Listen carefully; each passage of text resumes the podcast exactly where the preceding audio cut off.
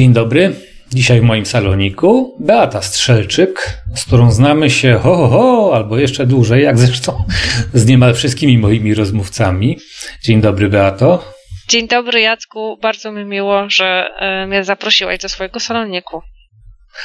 Pamiętasz może od kiedy się znamy? Bo ja tak cię kojarzę z, od bardzo dawna, ale no tak nie umiałbym powiedzieć od kiedy. Myślę, że to był rok e, około 2014 roku się poznaliśmy, przypuszczam, bo wtedy zaczęłam się interesować e, forum dostępnej e, cyberprzestrzeni i chodziłam wszędzie za Grzesiem Kozłowskim i, i zachwycałam się właśnie wami i waszą działalnością i, i słuchałam pokornie i uczyłam się dostępności właśnie od was, od ciebie, od Grzegorza, od Adama również, Pietrasiewicza. Pokornie? O. No nie. Myślę sobie. Teraz to się zaczerwieniłem i w ogóle to już nie wiem, co powiedzieć w takiej sytuacji.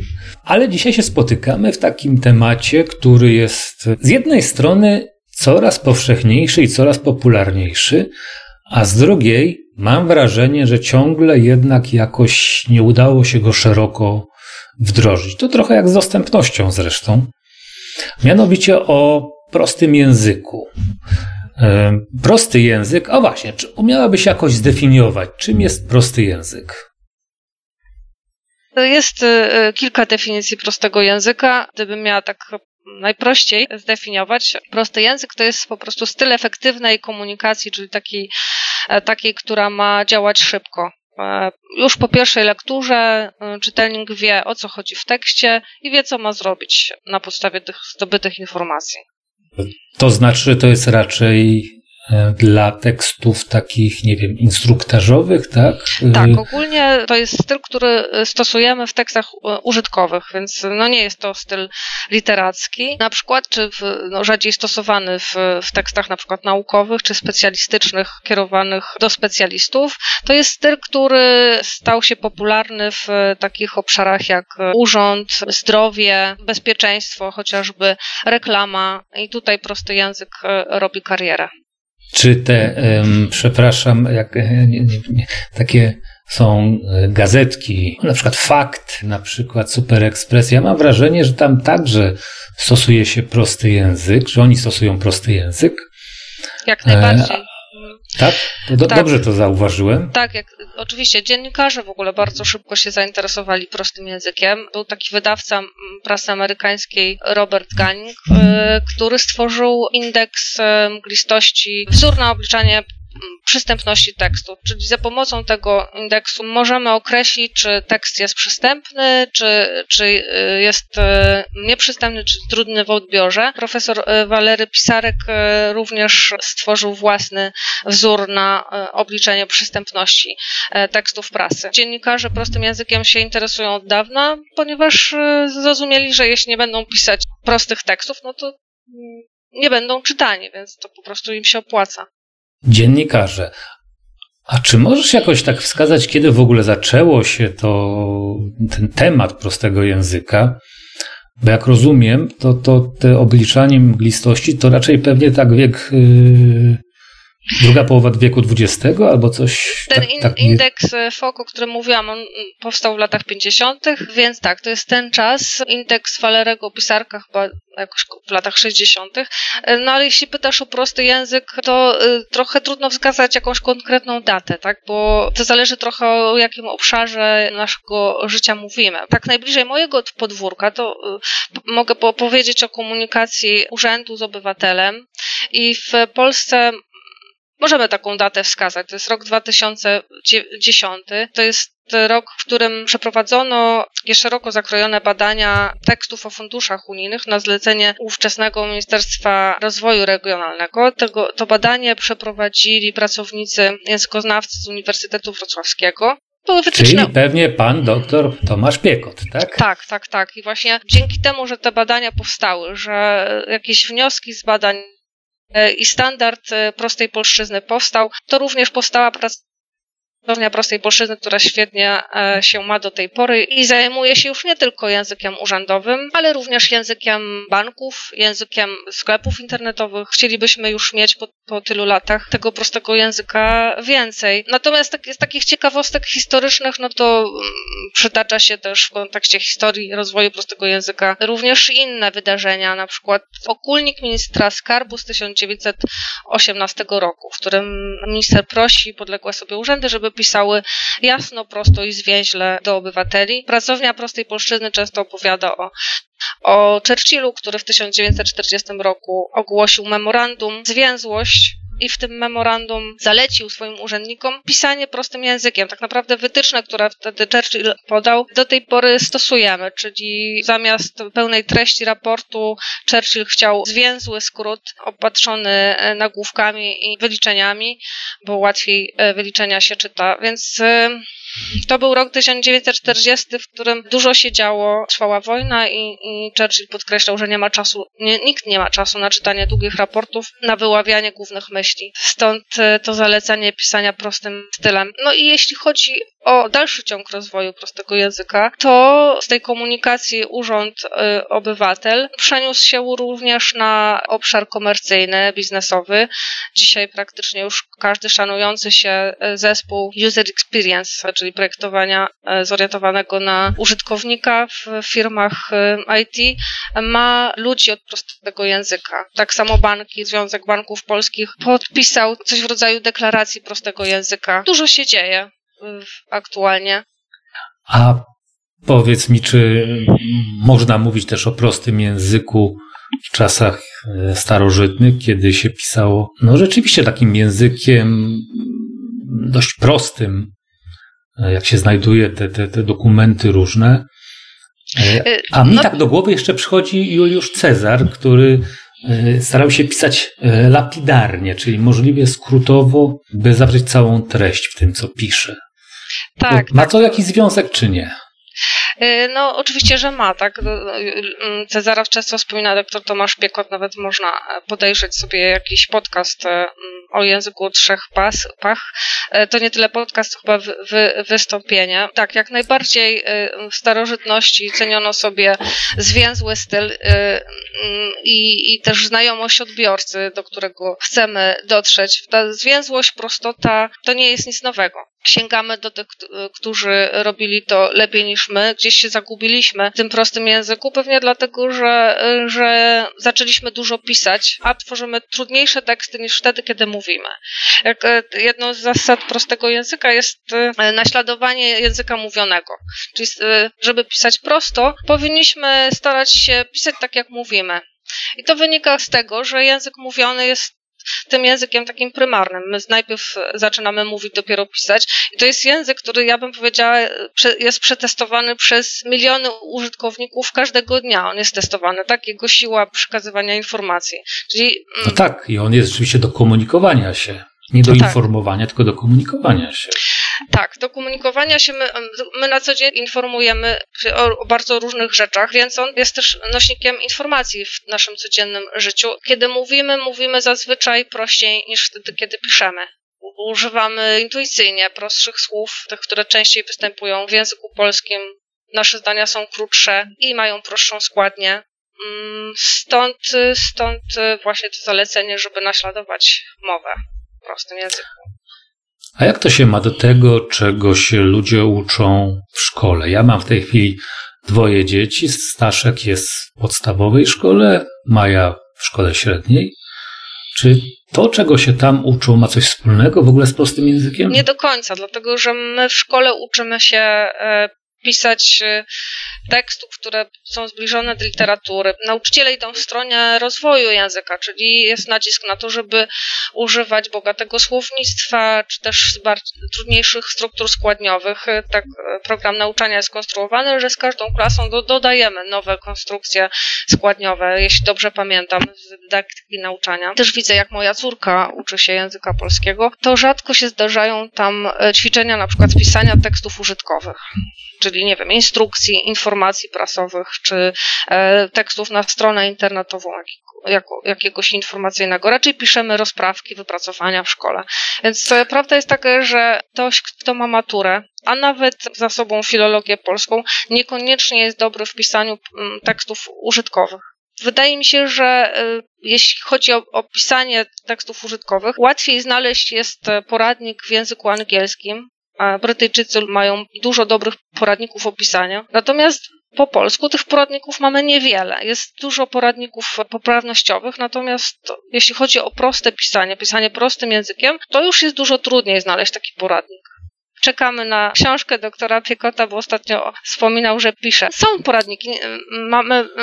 Tak, ja e, nawet kilka czytałem. Tak, tak, one są za darmo dostępne w internecie, natomiast są tworzone pod teksty unijne, tak, to, bo to, to jest owoc tych badań z 2010 roku. Można te poradniki pobrać e, ze A, strony... nie tylko, nie tylko. Jeszcze są wytyczne, y, jak to się nazywa, od służby cywilnej, A, szefa tak, służby tak, cywilnej. Tak, tak, tak. Ale tak, to prawda. Tylko te wytyczne były tworzone na podstawie opracowania pracowni prostej polszczyzny, więc to, to wszystko mhm. E, wiąże się ze sobą.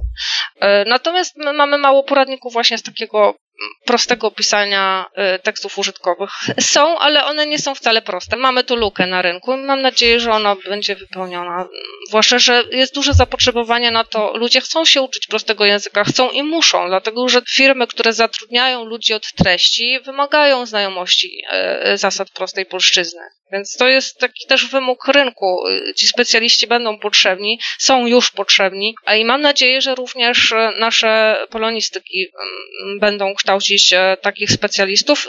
Polonistyka wrocławska kształci. Tam wiem, że są zajęcia jakieś z komunikologii, które przygotowują do redakcji e, treści w prostym języku. Zresztą pracuję z koleżanką, która jest po, e, po, po właśnie wrocławskiej filologii polskiej z naprawdę świetnym, świetną specjalistką w upraszczaniu.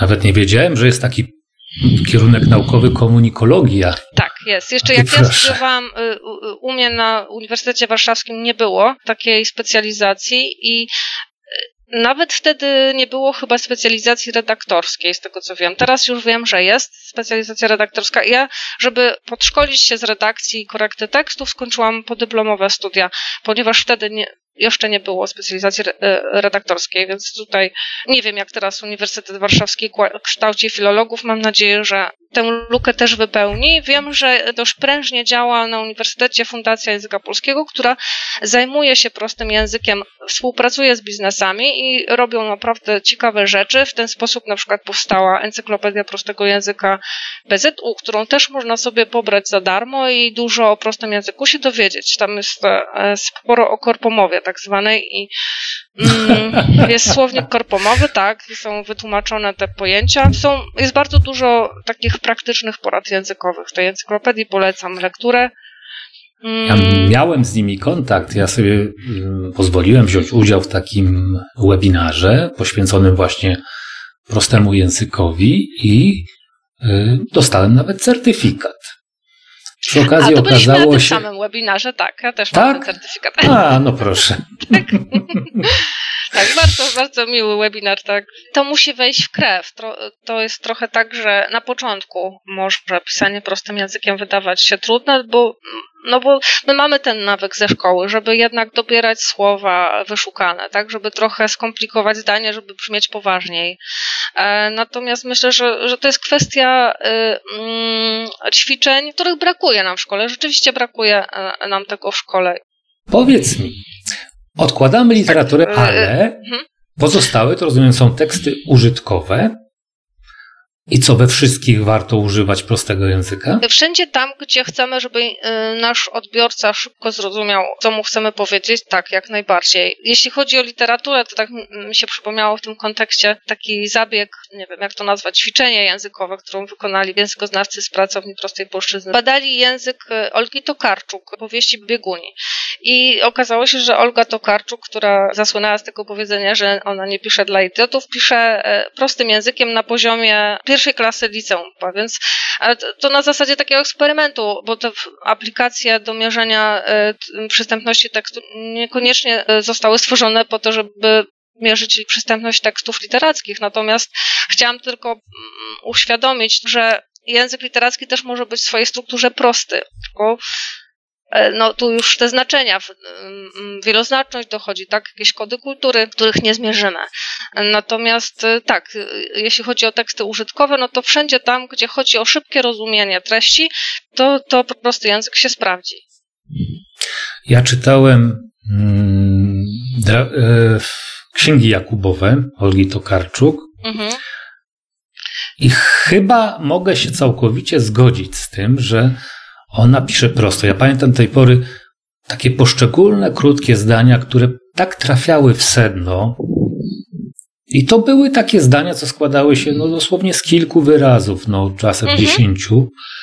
I one były od razu, że tak powiem, w, w mojej głowie. To nie, nie, wymagało to przetwarzania jakiegoś. No, u Olgi Tokarczuk, przynajmniej w tej książce kłopotliwe dla mnie było mnogość postaci, nazwisk na dokładkę. E, nie wiem, czy czytałaś, ale tam postacie zmieniały nazwiska w trakcie powieści. Nie, jeszcze ksiąg e, Jakubowych nie, nie przeczytałam, ale tak, no tutaj po prostu ta prostota bierze się raczej z samej struktury języka, tak? Z, z, z prostego słownictwa czy, czy prostej składni. No dobrze, ale ja bym jednak wrócił. Czy wszystkie teksty. Aha, wiem, bo powiedziałaś, że jeżeli ci zależy, żeby tekst był zrozumiany, to pisz prostym językiem. Mhm. A może być tak, że komuś na tym nie zależy, albo może wręcz odwrotnie. Chciałby, żeby był tekst skomplikowany. Tak, są, są takie e, style, które wydaje się, że, że specjalnie są trudne. Nie wiem, czy miałeś okazję e, czytać, kto w tym roku dostał e, tego żartobliwego Nobla, Ig Nobla tak zwanego. Między innymi dostali go prawnicy. Zespół e, zajmujący się językiem przyznał tego żartobliwego Nobla prawnikom za trudny język, bo okazało się, zrobiono takie badania porównawcze, porównano reakcje czytelników tekstów dziennikarskich i tekstów właśnie prawniczych i okazało się, że oczywiście ze zrozumieniem tekstów prawniczych ludzie mają dużo więcej problemów niż, tych, e, niż ze zrozumieniem tekstów dziennikarskich, chociaż temat e, sam w sobie nie był jakoś szczególnie złożony ani, ani w jednych, ani w drugich tekstach, więc problem okazało się, że leży nie w, sam, nie w złożoności tematu, tylko w, w trudności języka, bo prawnicy e, kochają ten swój żargon prawniczy, mają dużo zwrotów zastrzeżonych właśnie dla swojego stylu prawnego, dużo latynizmu, niepotrzebnych wtrętów, y, podstaw prawnych, które utrudniają rozumienie, a są niepotrzebne odbiorcy, więc y, może, możemy podejrzewać prawników, że, że y, męczą nas specjalnie. Im nie zależy, tak? Tak. Aczkolwiek widać światełko w tunelu, nawet chyba już więcej niż światełko, bo, bo dość intensywnie rozwija się teraz taki kierunek jak legal design, czyli projektowanie, projektowanie prawa. Tak, tak, tak. I ono y, mocno y, sięga po, po prosty język. W tym roku ruszyły studia podyplomowe właśnie z legal designu na SWPS-ie we Wrocławiu. Już pewnie studenci, pierwsi studenci zaczęli naukę, bo mamy koniec października. Pierwsi studenci uczą się e, również prostego języka, bo z tego co wiem, to, to tam wykładają specjaliści zajmujący się prostym językiem, więc mam nadzieję, że, że idzie nowe i idzie dobre, jeśli chodzi o język prawa, ale na pewno to jeszcze, e, jeszcze no, la, lata, tak, lata pracy. No dobra, to są ci, co im nie zależy, a są tacy, którym zależy, żeby język skomplikować właśnie, żeby był trudniejszy, niż że, mógłby być. Żeby skomplikować język? Tak. Myślę, że każdy z nas czasem komplikuje ten język, e, jeśli mm, i zazwyczaj robimy to trochę nieświadomie. Na przykład, jeśli chcemy uchodzić za jakiegoś eksperta w, w swojej dziedzinie, wzbudzić szacunek, albo respekt, to komplikujemy wypowiedź. Czasem robimy to dlatego, że wydaje nam się, że nie tyle jesteśmy ekspertami, co po prostu podnosimy własną rangę, patrzymy na kogoś z góry. Tutaj rzucę jakimś obcym słowem, jakąś obcą frazą i błysnę. Natomiast są też takie teksty, które tworzymy trudnym językiem, ale chyba nie do końca mamy intencję, żeby żeby zwieść naszego odbiorcę. To są na przykład teksty urzędowe właśnie, z którymi ja pracuję. Urzędnicy, wiemy, że urzędy piszą trudnym językiem, to się zmienia, powoli, ale się zmienia. I to nie bierze się stąd, że urzędnicy mają złe intencje, tylko po prostu tak przez całe lata pisali i e, oni też się wspierają e, ustawami, które też są napisane trudnym językiem. W bankach, w handlu elektronicznym, tam wszędzie te e, zwroty urzędowe utrudniające rozumienie też się pojawiają. Styl urzędowy jest kopiowany również w tych innych dziedzinach naszego życia i on komplikuje tę komunikację niepotrzebnie. A jeśli chodzi o umowę, a bardziej o regulaminy, na przykład to powiem Ci, że ostatnio czytałam, że PKP Intercity uprościła swoje e, regulaminy i inne teksty dotyczące na przykład promocji biletów, właśnie we współpracy z Fundacją Języka Polskiego, to taki owoc tej współpracy. W takich tekstach e, trudniejszych, jak regulaminy, też ten prosty język coraz częściej się pojawia. Tym się chwalą e, często banki też, także upraszczają swoje regulaminy i swoje umowy, e, czy, te, czy firmy telekomunikacyjne też, też się tym chwalą. To już jest przewaga konkurencyjna, która w zasadzie za chwilę myślę, że przestanie być przewagą, tylko stanie się wymogiem, tak, bo my się przyzwyczaimy jako odbiorcy, konsumenci, obywatele do prostego języka i będziemy go wymagać. W zasadzie już, już coraz częściej, myślę, obywatele czy klienci domagają się mm, prostego języka. No to też jest, podejrzewam, tak, że um, po prostu mniej, mniej pracy mają ludzie, mhm. jeżeli napiszą to prostym językiem, bo jak nie napiszą prostym językiem, no to klienci będą dzwonić, tak, dopytywać o co tu chodzi, tak? A jak napiszą prostym, oczywistym, ja już chyba nie będę przytaczał tej anegdoty na temat Ewy i pisma z, ZUS, z ZUS-u, no ale generalnie jest tak rzeczywiście. Jak się napisze prosto, to problemu nie ma. Jak się napisze w sposób dziwny, skomplikowany, to najpierw się dwie osoby męczą, a potem trzeba jednak zadzwonić tam do ZUS-u, żeby wyjaśnić o co chodzi. Tak, tak. A potem, to się, mamy... potem się okazuje, że nie o nic nie chodzi. Mhm, do, tak jest.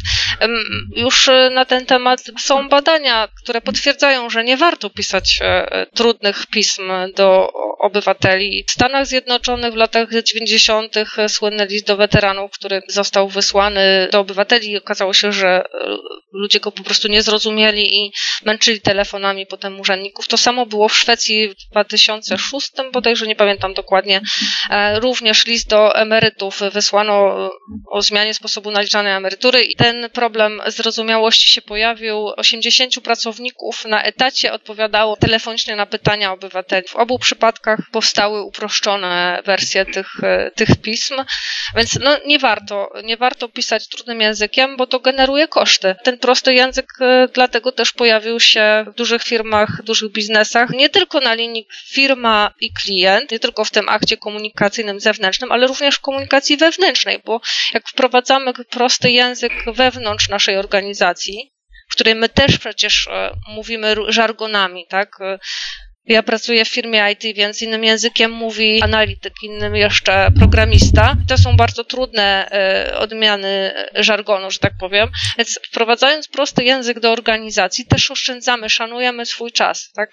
Bierzemy pod uwagę mhm. to, że ta inna osoba ma inną specjalizację, i szukamy wspólnego mianownika. Tym wspólnym mianownikiem zawsze będzie prosty mm, język. Skoro już o tym ZUS-ie, to wiesz co, teraz sobie uświadomiłem, że co roku dostaję takie wyliczanki ZUS-u, takie pismo, w którym jest dużo różnych cyferek, dużo różnych paragrafów. Ja nigdy nie zrozumiałem, co oni tam do mnie mówią. Czasem próbuję to jeszcze e, zrozumieć, a, ale szybko się poddaję. Ja po prostu nie wiem, co oni, co oni tam mi napisali. Czy ja mam więcej, czy ja mam mniej, czy, czy nic kompletnie. No także szkoda, szkoda rzeczywiście, że tam jeszcze nie zawitało to. No ale dobra, powiedzmy, że ktoś spróbuje mm, zastanowić się nad swoimi własnymi tekstami. Wiemy, że są narzędzia, które wspomagają badanie prostoty języka. Ja wiem o dwóch, może jest ich więcej, bo wiem o Logios, ten od właśnie od y, doktora Piekota. Mhm. I drugi to jest jasnopis y, ze SWPS, o ile pamięć mnie nie myli, tak? Tak, tak, tak jest. Znasz jakieś jeszcze? Y, są jeszcze inne, zaraz o nich powiem, ale jeszcze chciałam y, trochę obronić ZUS, bo ZUS od, y, już od, nie wiem, kilkunastu lat kilku lat, trudno mi powiedzieć, upraszcza język i walczy z ZUS-owszczyzną. Tam jest zespół redaktorów, e, który, e, który pracuje nad e, upraszczaniem pism ZUS-u i wiele tych pism, dokumentów zostało uproszczone, natomiast trzeba też mieć świadomość tego, jak ogromną organizacją jest ZUS. To oczywiste, że ta zmiana językowa wymaga czasu, natomiast tam jest sieć liderów językowych, nie wiem jak oni się dokładnie nazywają, pracowników, którzy monitorują ten język i sprawdzają jego jakość, więc to nie jest tak, że ZUS się nie zajmuje językiem, natomiast może to nie wszędzie, nie w każdym dokumencie być widać. Przypuszczam, że to po prostu wynika z tego, że, że ZUS naprawdę ma dużo zadań nałożonych na siebie.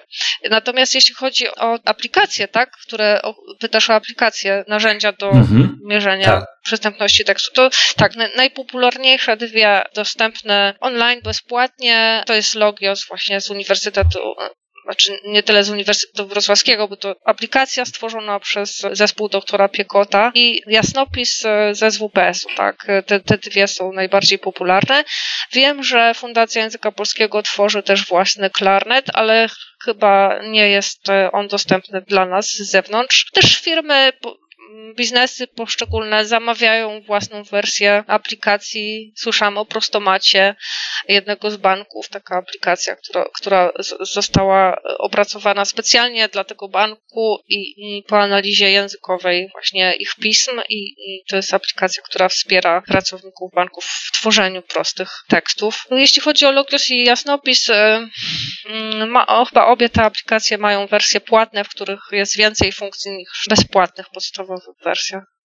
Powiedziałaś, że wspiera w tworzeniu prostych tekstów. To znaczy, że są jakieś narzędzia do wspierania w tworzeniu tekstów, nie, nie w badaniu, tylko w tworzeniu. W tych wersjach podejrzewam właśnie rozbudowanych, e, płatnych e, podejrzewam, że jest więcej funkcji, które wspierają również tworzenie, tam już mamy więcej podpowiedzi, jakich fraz e, nie używać, e, co, jak można je zamienić e, na prostsze, czy długość zdań, no to w zasadzie w bezpłatnych wersjach też mamy. Natomiast no, mm, jeśli chodzi o same aplikacje, to one raczej mierzą to, co my już napisaliśmy. Znaczy, to jest tak, że w trakcie tworzenia tekstu, o, oczywiście one też mogą nas wspierać, bo kiedy upraszczam tekst, mogę sobie na bieżąco sprawdzać, czy już jest wystarczająco uproszczony. Obie te aplikacje też e, mają jak, jakieś ograniczone, ale mają podpowiedzi, tak?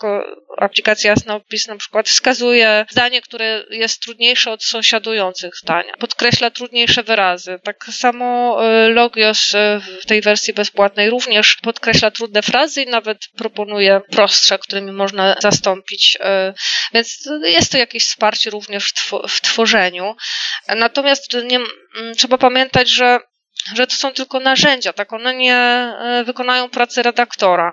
A prosty język to nie, jest, to nie są tylko proste słowa i krótkie zdania to jest e, znacznie więcej. To jest na przykład też struktura tekstu, czyli odpowiednie światło między akapitami, tak, nagłówki, czyli ta nawigacja po tekście, to, to jest też jakiś konkretny kontekst komunikacyjny, odpowiedni dobór informacji i układ logiczny, czy nie wiem, chronologiczny, w zależności tego, jaki tekst piszemy. I tego nam aplikacja nie zmierzy, tak? Czyli musimy pamiętać, że to są raczej pomoce niż, niż coś, co nas wyręczy upraszczaniu.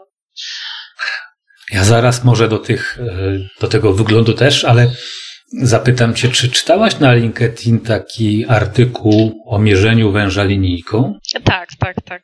E, bardzo fajny tekst, polecam każdemu, kto, kto używa tych aplikacji, żeby też właśnie po to, żeby sobie uświadomić, czego te aplikacje nie mierzą i jaką wartość e, mogą one dać. Ja, e, e, jak, tak naprawdę, jak już mamy duże doświadczenie, zdobywamy to doświadczenie w upraszczaniu, to mniej więcej czujemy, czy ten tekst na jakim poziomie przystępności on jest. Doświadczony redaktor tak bardzo tej aplikacji na co dzień nie potrzebuje, ale one są przydatne. Ja często używam wtedy, kiedy chcę przekonać osobę do uproszczenia i pokazuję jej, że jej tekst jest trudny, a propozycja przygotowana przeze mnie jest łatwa, więc ja mam tutaj w tej takiej e, aplikacji czarno na białym e, porównanie, wynik, tak? To jest tekst trudny, a tu proszę, to jest tekst łatwy i w takiej sytuacji na pewno e, aplikacje się przydają. Przydają się, kiedy badamy duże ilości tekstów, musimy ocenić teksty jakiejś dużej organizacji i chcemy zrobić duże badania, wtedy jak najbardziej też aplikacje są pomocne.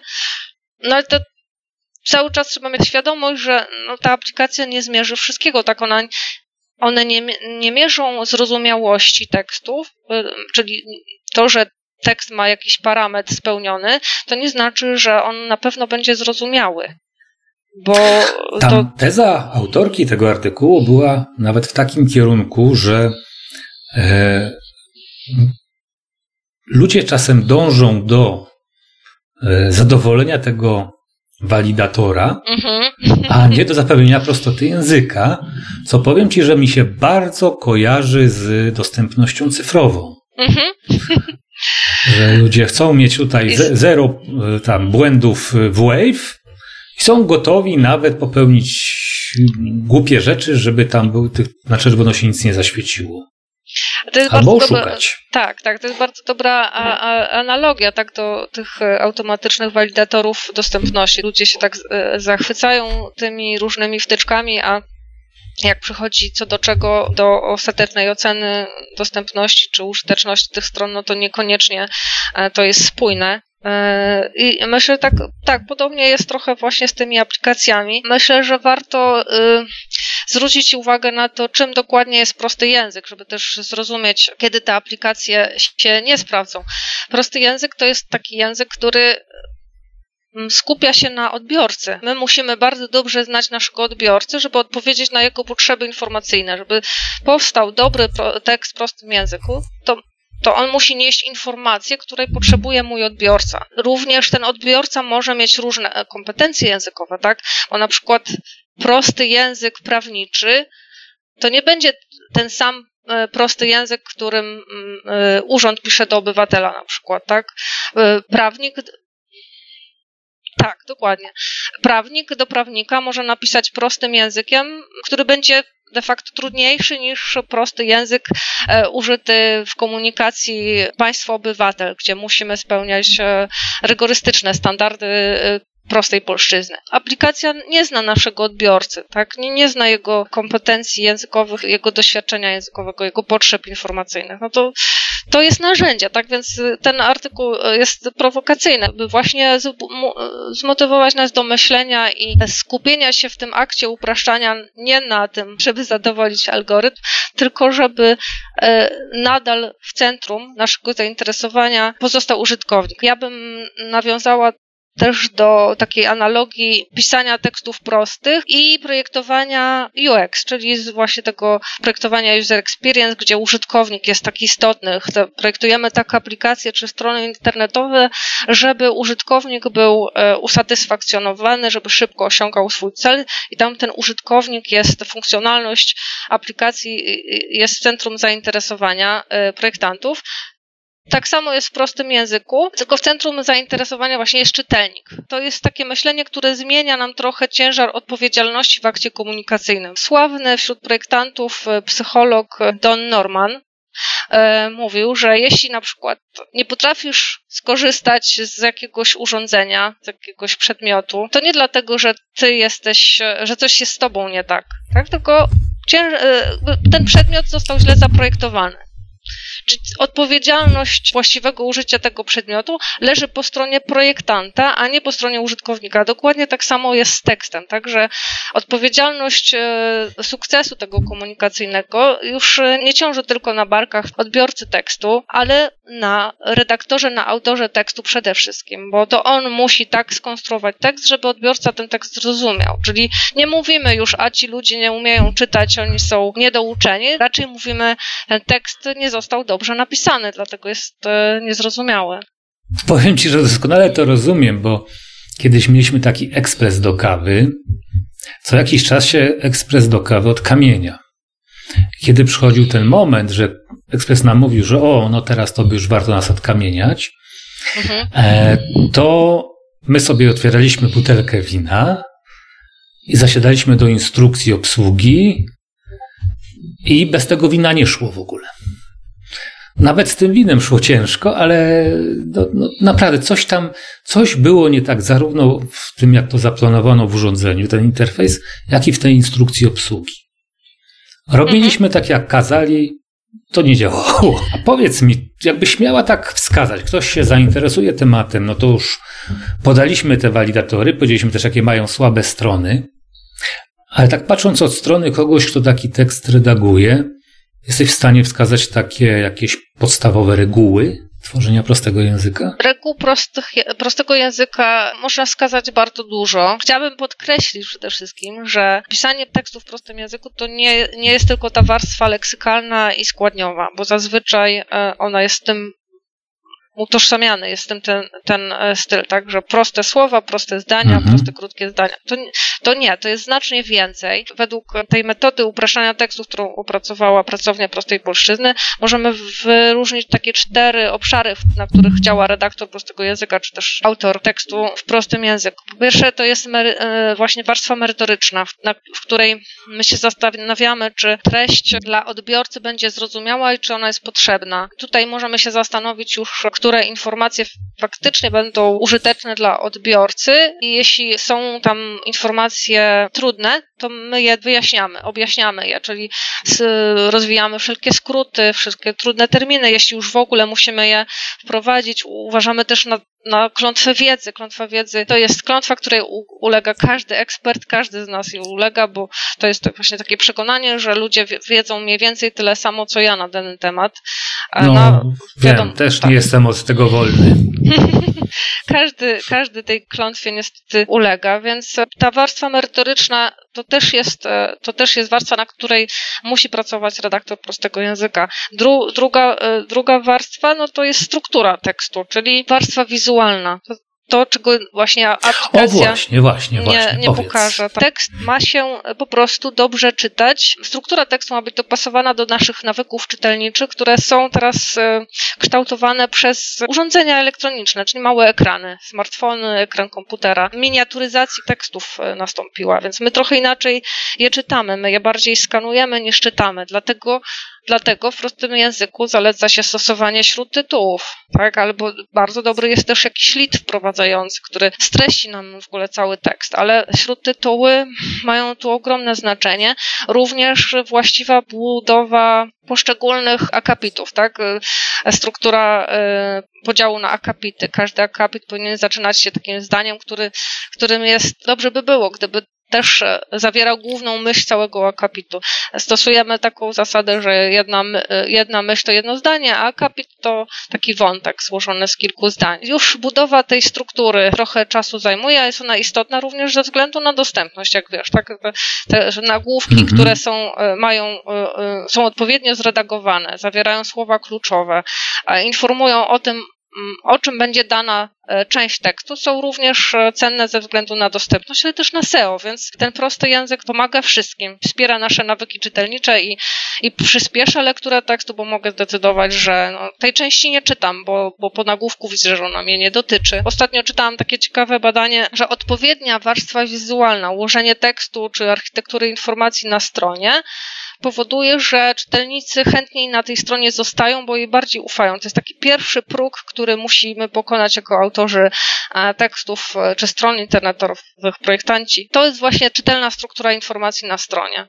I jak użytkownik widzi, że tu jest porządek, wszystko jest jasne, tak ja wiem, gdzie jakie informacje szukać, to ufam bardziej tej stronie zostanie, zostaje na niej dłużej, więc nawet tutaj ten prosty język ma dobre działanie w budowaniu zaufania, bo prosty język jest trochę takim narzędziem właśnie budowania dobrych relacji. Trzeci obszar, no to jest właśnie to, z czym najczęściej kojarzymy ten styl prostojęzyczny, czyli gramatyka i takie e, odpowiednie frazowanie myśli. I wy, wybieramy proste słowa i, i krótkie zdania, takie 15-20 wyrazów. I czwarta warstwa to jest warstwa, o której właśnie zaczęłam już trochę mówić, e, budowania dobrych relacji.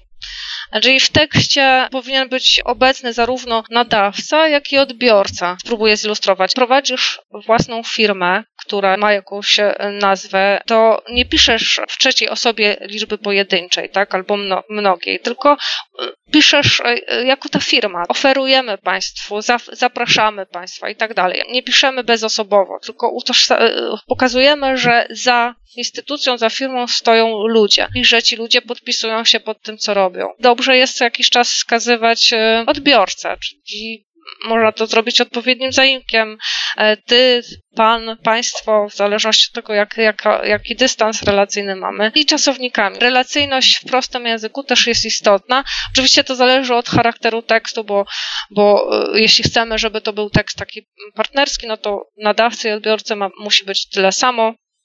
Ale już w instrukcjach e, teksty instruktażowe mają przede wszystkim odbiorcę, tak? Ty, ty zrób yy, yy, tak. tak otwórz, też, tak, otwórz tą wieko ekspresu do kawy, wyjmij tak pojemnik na wodę, a nie z pojemnika należy, nie, najpierw należy otworzyć wieko zbiornika hydraulicznego na wodę. No, no tak czasem piszą. Tak, Rozumiem bo... też, że strony mm. biernej w takim razie nie należy raczej używać, tak? Wszystkie formy gramatyczne, które ukrywają e, wykonawcy czynności są źle odbierane przez czytelników, ponieważ utrudniają rozumienie tekstów. Nawet psycholingwiści zbadali, że strona bierna właśnie jest przetwarzana przez nasz umysł dużo wolniej niż czasowniki w stronie czynnej. Wolniej przetwarzamy, bo trudniej nam znaleźć wykonawcę czynności.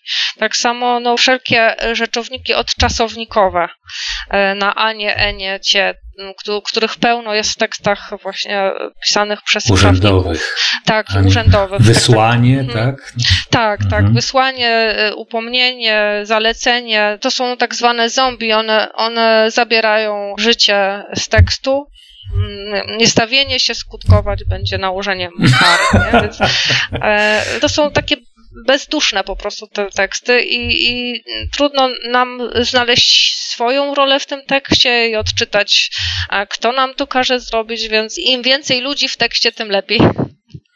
Ja mam takie doświadczenie sprzed półtora roku. Współpracowałem wtedy z taką firmą audytorską i oni robili na nasze zamówienia audyty w samorządach i zobaczyłem sobie ich wzór raportu, jaki zaproponowali.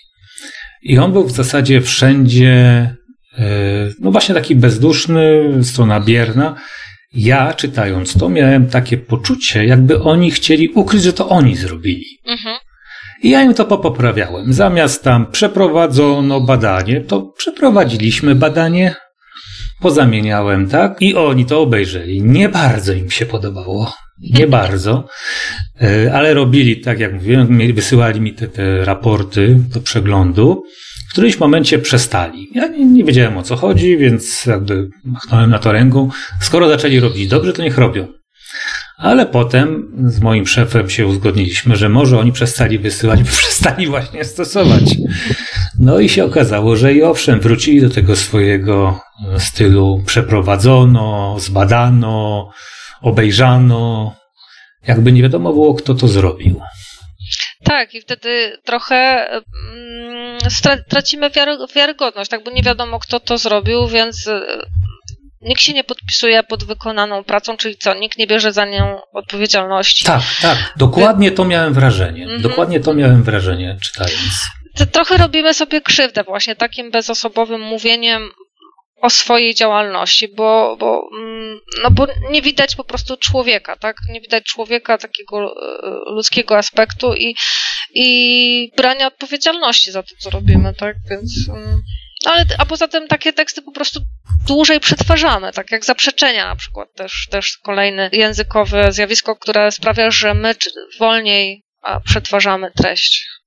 Ludzie się w ogóle chętnie uczą prostego języka, pisania prostym językiem. Albo inaczej, niechętnie, bo chęć to oni nawet mogą mieć, ale czy łatwo im to idzie, bo to trzeba wyrwać pewne przyzwyczajenia. Tak, tak? mnie się wydaje, że no zdarzyło mi się prowadzić szkolenia z różnymi grupami i chyba, naj, naj, chyba e, trudność w nauczaniu prostego języka to nie leży w tym, żeby wyjaśnić te wszystkie aspekty e, gramatyczne, językowe i pozajęzykowe. Bardziej chyba chodzi o to, żeby pomóc ludziom zmienić myślenie, czyli żeby zaufali temu prostemu językowi, że to nie jest język prostacki przede wszystkim, tylko to jest język efektywny, e, który przyspiesza komunikację i on może być e, elegancki i jak najbardziej poprawny, nawet powiem więcej, nigdzie tak nie widać błędów językowych jak właśnie w prostym języku. Prosty w tekście napisanym prostym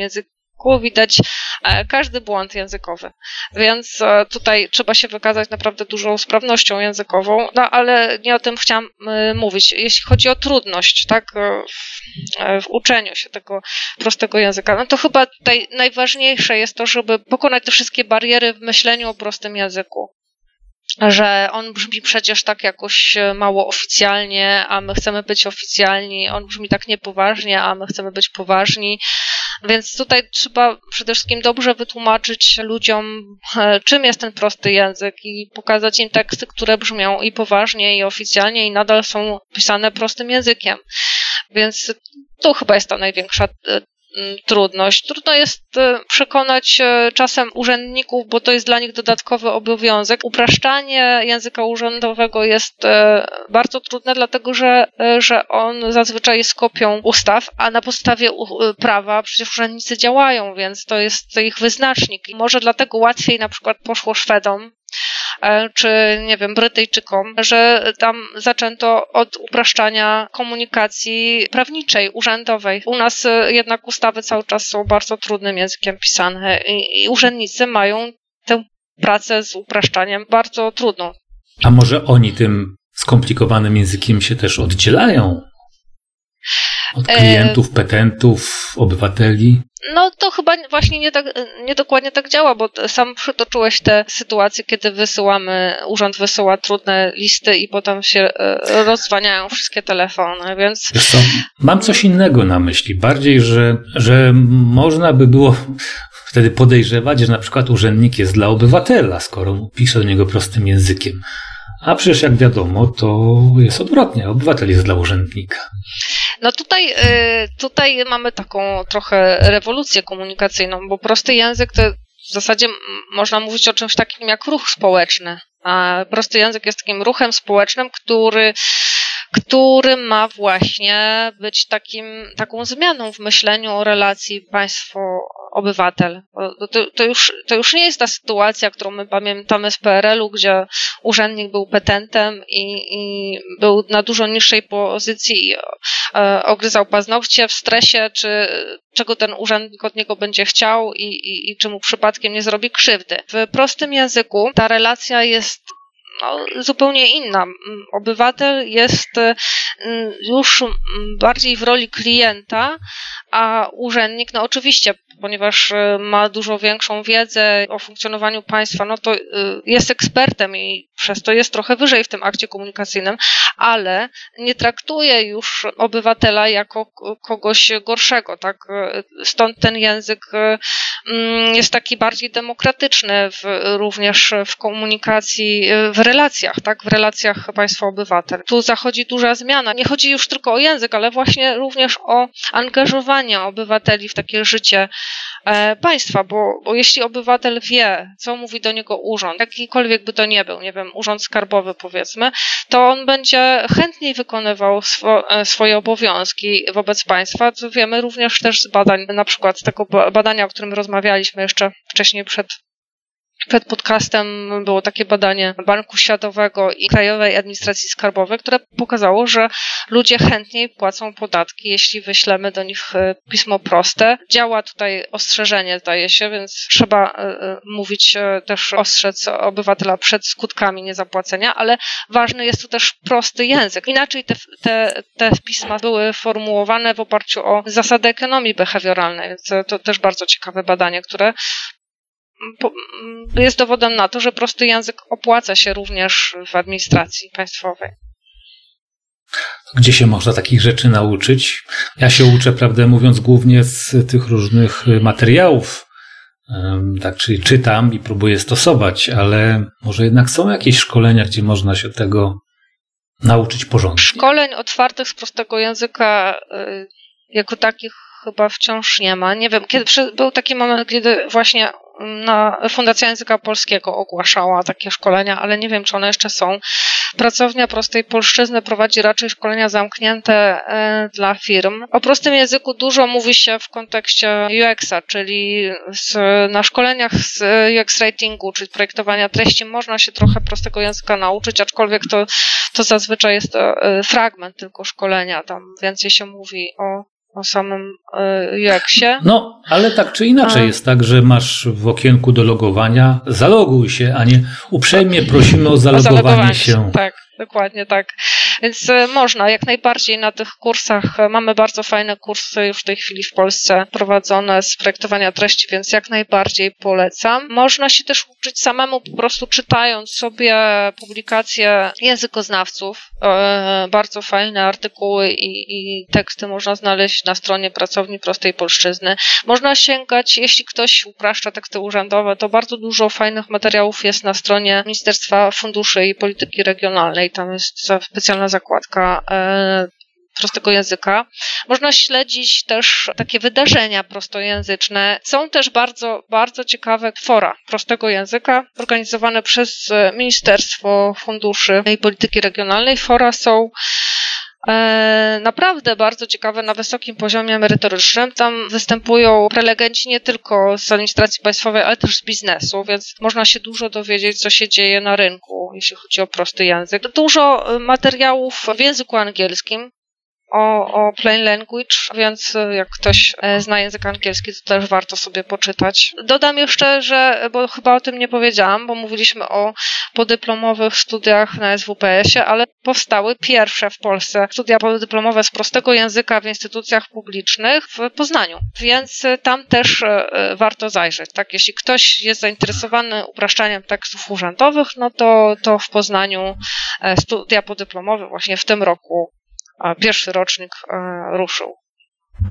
Zawsze pytam mm, moich rozmówców, jaki link do opisu e, podcastu dodać. Jeden. Co byś zaproponowała? Na pewno pracownia prostej polszczyzny jak się wpisze w wyszukiwarkę, to się pojawi mhm. strona i tam są materiały różnego rodzaju i artykuły pisane przez językoznawców, jakieś wycinki z prasy. Polecam też nasz quiz o prostym języku na, na twojej platformie. A, rzeczywiście, no tak, słusznie. Który po... Obowiązkowo go włączę. Tak, zwłaszcza, że, że doktor Tomasz Piekot nam e, ten quiz sprawdził i, i e, dzięki jego poprawkom myślę, że jest ba bardzo przyjazny i można się z niego sporo na nauczyć. No i oczywiście właśnie stronę, zakładkę z strony e, Ministerstwa Funduszy i Polityki Regionalnej. Tam jest zakładka o prostym języku. To te źródła na pewno bym, e, bym polecała. Ale też e, jest, jak ktoś Prosto i kropka to jest właśnie materiał stworzony przez e, Ministerstwo Funduszy i Polityki Regionalnej i w tej zakładce słuchacze znajdą właśnie ten cykl dziesięciu filmów, w których dr Tomasz Piekot opowiada o prostym języku. Na przykład, dlaczego lepiej jest ostrzegać kryj ryj niż pisać długie komunikaty? Jeszcze y, można sobie poszukać e, bezpłatnych webinarów o prostym języku. Pojawiły się takie. Jest też kilka podcastów o prostym języku, do których warto sięgnąć. E, z doktorem Tomaszem Piekotem, e, z Anną Dominiką Kwiatkowską. Też jest bardzo ciekawy podcast dostępny w sieci. Jak ktoś się interesuje projektowaniem treści, to, to też trzeba sobie szukać webinarów Wojtka Aleksandra albo Kaliny Tyrkiel czy Basi Adamskiej, więc to też można coś w sieci znaleźć na pewno. Bardzo Ci dziękuję za spotkanie. Pokonaliśmy część problemów technicznych, e, jakie mieliśmy na początku. Mm, no, mam nadzieję, że temat e, jednak się rozleje trochę szerzej e, prostego języka. Ja bardzo się staram pisać w ten sposób. Nie zawsze mi się oczywiście udaje, ale, ale się staram. Także jeszcze raz bardzo Ci dziękuję. Ja również dziękuję za, za zaproszenie czuję się wyróżniona, a chciałabym prosić o nagrodę jedną.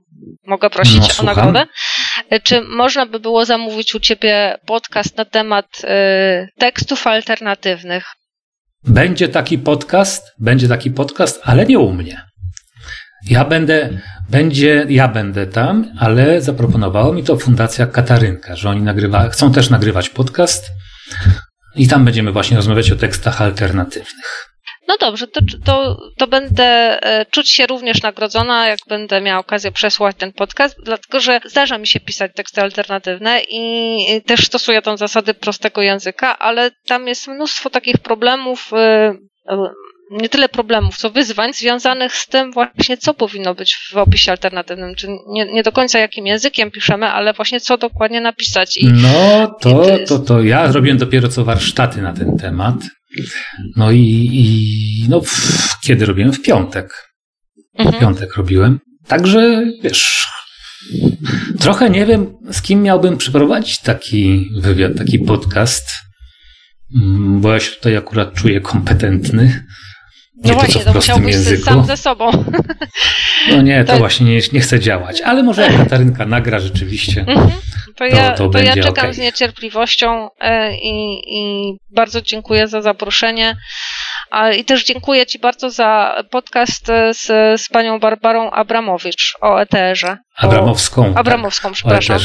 Panią mhm. Barbarą Abramowską, bo to był bardzo, bardzo ciekawy podcast i, i mm, trudno y, znaleźć gdzieś materiały, czy właśnie podcasty, to tym bardziej. To był pewnie pierwszy w Polsce podcast o ETR-ze i w dodatku z, no, z taką specjalistką, więc bardzo Ci za to dziękuję. Przesłuchałam no to... z przyjemnością. W takim razie do zobaczenia. Brzdękamy kieliszkami. Dziękuję bardzo. Do zobaczenia. No. Cześć.